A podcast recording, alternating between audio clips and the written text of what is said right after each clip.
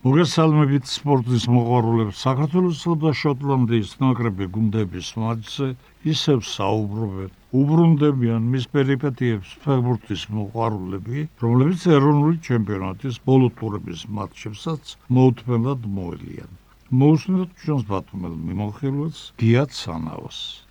მოგესალმებით მივესალმებით ჩვენს რადიო მსმენელებს. დავიწყოთ ჩვენი საუბარი მატჩით რომელიც თბილისში გამართა საქართველოს ნაკრებმა უმასპინძლა შოტლანდიის ნაკრებს და შედეგი ყველამ ვიცით დამთავრდა თამაში 2-2 რამოდენიმე სიტყვით ჩემს მოსაზრებას გეტყვით ამ თამაშზე და რა ვერ გავაკეთეთ რა გამოგვივიდა და ყოველ შემთხვევაში ერთი რამე გამოჩნდა ხვალნაფრ რომ ჩვენ ვეთამაშეთ ძლიერ გუნდს შოტლანდიის ნაკრებში 7 ფეხბურთელი თამაშობდა, რომელიც პრემიერ ლიგის სხვადასხვა კლუბებში თამაშობს და იმისი კლასი და დონე ამდენს ნიშნავს. ბურთის ფლობაც მათი იყო და ტაქტიკური მონახაზი, რომელიც სანეოლმა ერთია, გარკვეულწილად გამარცხდა, იმიტომ რომ 2-0 ვიგებდით და ორი ბურთი შოტლანდიის ნაკრებს შეუგდო, არ იყო იოლი, მაგრამ ნუ როგორც ყოველთვის ხუჩამ გავოიჩინა თავი, არანაკლებ წინვალე გადაცემა გაუკეთა მას პირველ ბურთზე ჩაგვეტაძე და გვახარებს რომ ჩაგვეტაძე თამაშიდან თამაშამდე უმატებს და პირველი ტაიმი ჩვენ აბსოლუტურად არ გვითამაშია და ეს შედეგში წაისახა მეორე ტაიმში სიმართლე გითხრათ ცოტა ჩავჯექით და მე ყველაფერს მაინც ვაბრალებ იმას რომ ჩვენი ფეხბურთელები ძალიან ხშირად ბურთს მარტივ სიტუაციაში კარგავთ მე წარწმევა ძნელია და ბურთს ვერ ვიჭერთ შუა ხაზში ბურთი ხშირად გვეკარგება და ეს ხდება იმის შემდეგ საწყისი რომ შეტევა წამოვიდეს ჩვენ კარტა აი ბურთის დაჭერა ფეხში აი ერთი წუთი ხო გუნდები აგორებენ ხოლმე ბურთს და იჭერენ და ნუ ამზადებენ შეტევას. ჩვენთან ეს ნაკლებად იგრძნობოდა და მე ვფიქრობ ამის ხარჯზე და იმის ხარჯზეც რომ ბურთს ხშირად შოტლანდიელები ფლობდნენ და ჩვენ უმეტესივად წასართმევად დავსდებდით თუ ფიზიკურმა კონდიციებმა ცოტა ქვევი დაიწია და ნუ ეს ანგარიში აისახა ჩვენ ორი ბურთი მეორე ტაიმში სამწუხაროდ მივიღეთ. მაგრამ ჩვენ საგზნობლად ძლიერ გუნდს ვეთამაშეთ შოტლანდიის აგრები ძალიან სერიოზული ძალა იქნება დარწმუნებული ვარ ნებისმიერი გუნდისთვის ვისაც არ უნდა შეხვდეს მე ვფიქრობ რომ ინფორმაციის ნაკრები რომელიც საქართველოს ნაკრებია და იმ შემადგენლობის ნაკრები და რა ფეხბურთელები ჩვენთან არიან ცოტა უკეთესად უნდა თამაშობდნენ. ყოველ შემთხვევაში ეს ჩემი სურვილია და ალბათ ნებისმიერი გულშემატკივრის სურვილია. დორიო სიტყვა მინდა გითხრათ ეროვნულ ჩემპიონატზე ფინიშისკენ მიდის ყველაფერი და სატურნირო ცხრილის თვალსაზრისით საოცარი აჯაფსანდალი ხდება ეროვნულ ჩემპიონატში ну გასავარდნიდან შუქურა გავარდნილია ამას ხალე არ გაუარაფერი შვილება და იქ პლეიოფის აგზურისთვის ბრძოლობენ გუნდები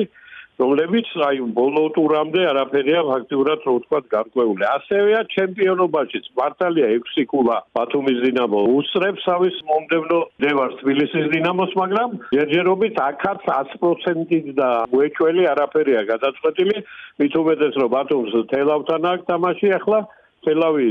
იბძვის პლეიოფში არ მოხვედრისათვის და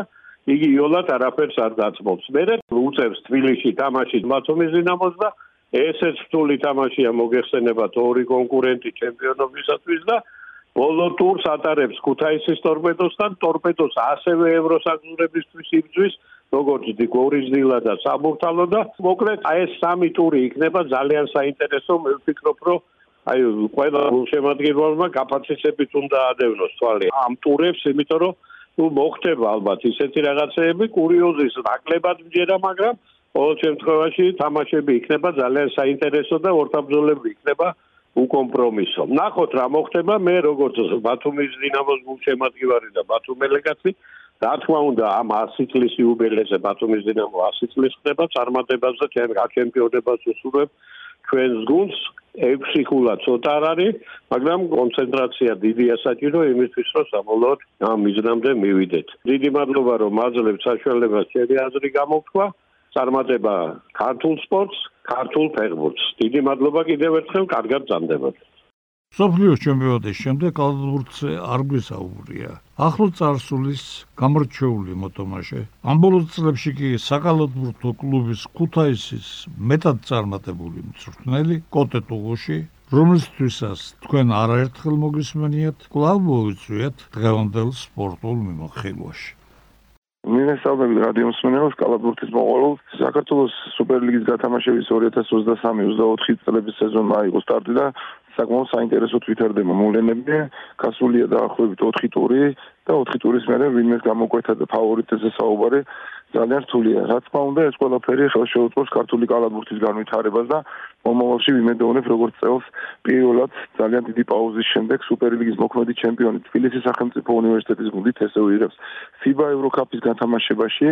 და მე იმედი მაქვს რომ ეს არ იქნება ერთჯერადი და მომავალ წლებშიც უკვე წარმატებული კლუბები საქართველოსთან მიიღებენ ევროტურნირებში მონაწილეობას. რაც კიდევ ერთხელ ვიძახი რომ საქართველოს ჩემპიონატის განვითარებას, ქართული კალათბურთის განვითარებას ხელშეუწყობს. რაც შეეხება ქუთაისის გუნდს, ქუთაისის გუნდი როგორც ყოველთვის წინა წლებში მაღალი შედეგებისთვის იბრძვის, სეზონი საკმაოდ კარგად დაიწყეთ. გადავახალისით შემოადგენლობა, ბევრი ახალწეული იყოს, როგორც ქართველი, ასევე უცხოელი მოთამაშეები. დავაბრუნეთ რამოდენიმე პერსპექტიული ქართველი მოთამაშე, რომელიც უცხოეთში ასპარეზობდა, მათ შორის ქუთაისლებით, რაც რა თქმა უნდა სასიხარულო ფაქტია ჩვენთვიზე, როგორც გითხარით, ჩვენი მიზანი უმაღლესია, ჩვენ საქართველოს ჩემპიონობა გვინდა, საქართველოს თასის მოგება გვინდა და ყველა იმ ტურნირში გამარჯვება გვინდა, სადაც კი მონაწილეობას მივიღებთ. სეზონი საკმაოდ წარმატებულად დაიწყეთ, პირველივე ტიტული დუდუ დადიანის მემორიალი ტარდება, როგორც მოგეხსენებათ სეზონის სტარტზე და სწორედ დუდუ დადიანის მემორიალის გამარჯვებული გავხდით და ეს იმედი გვაქვს რომ საწინააღმდეგო იქნება ჩვენი მომავალი წარმატებებისა. როგორც გითხარი, მიდის აქტიური მზადება საქართველოს ჩემპიონატის პირველი წრე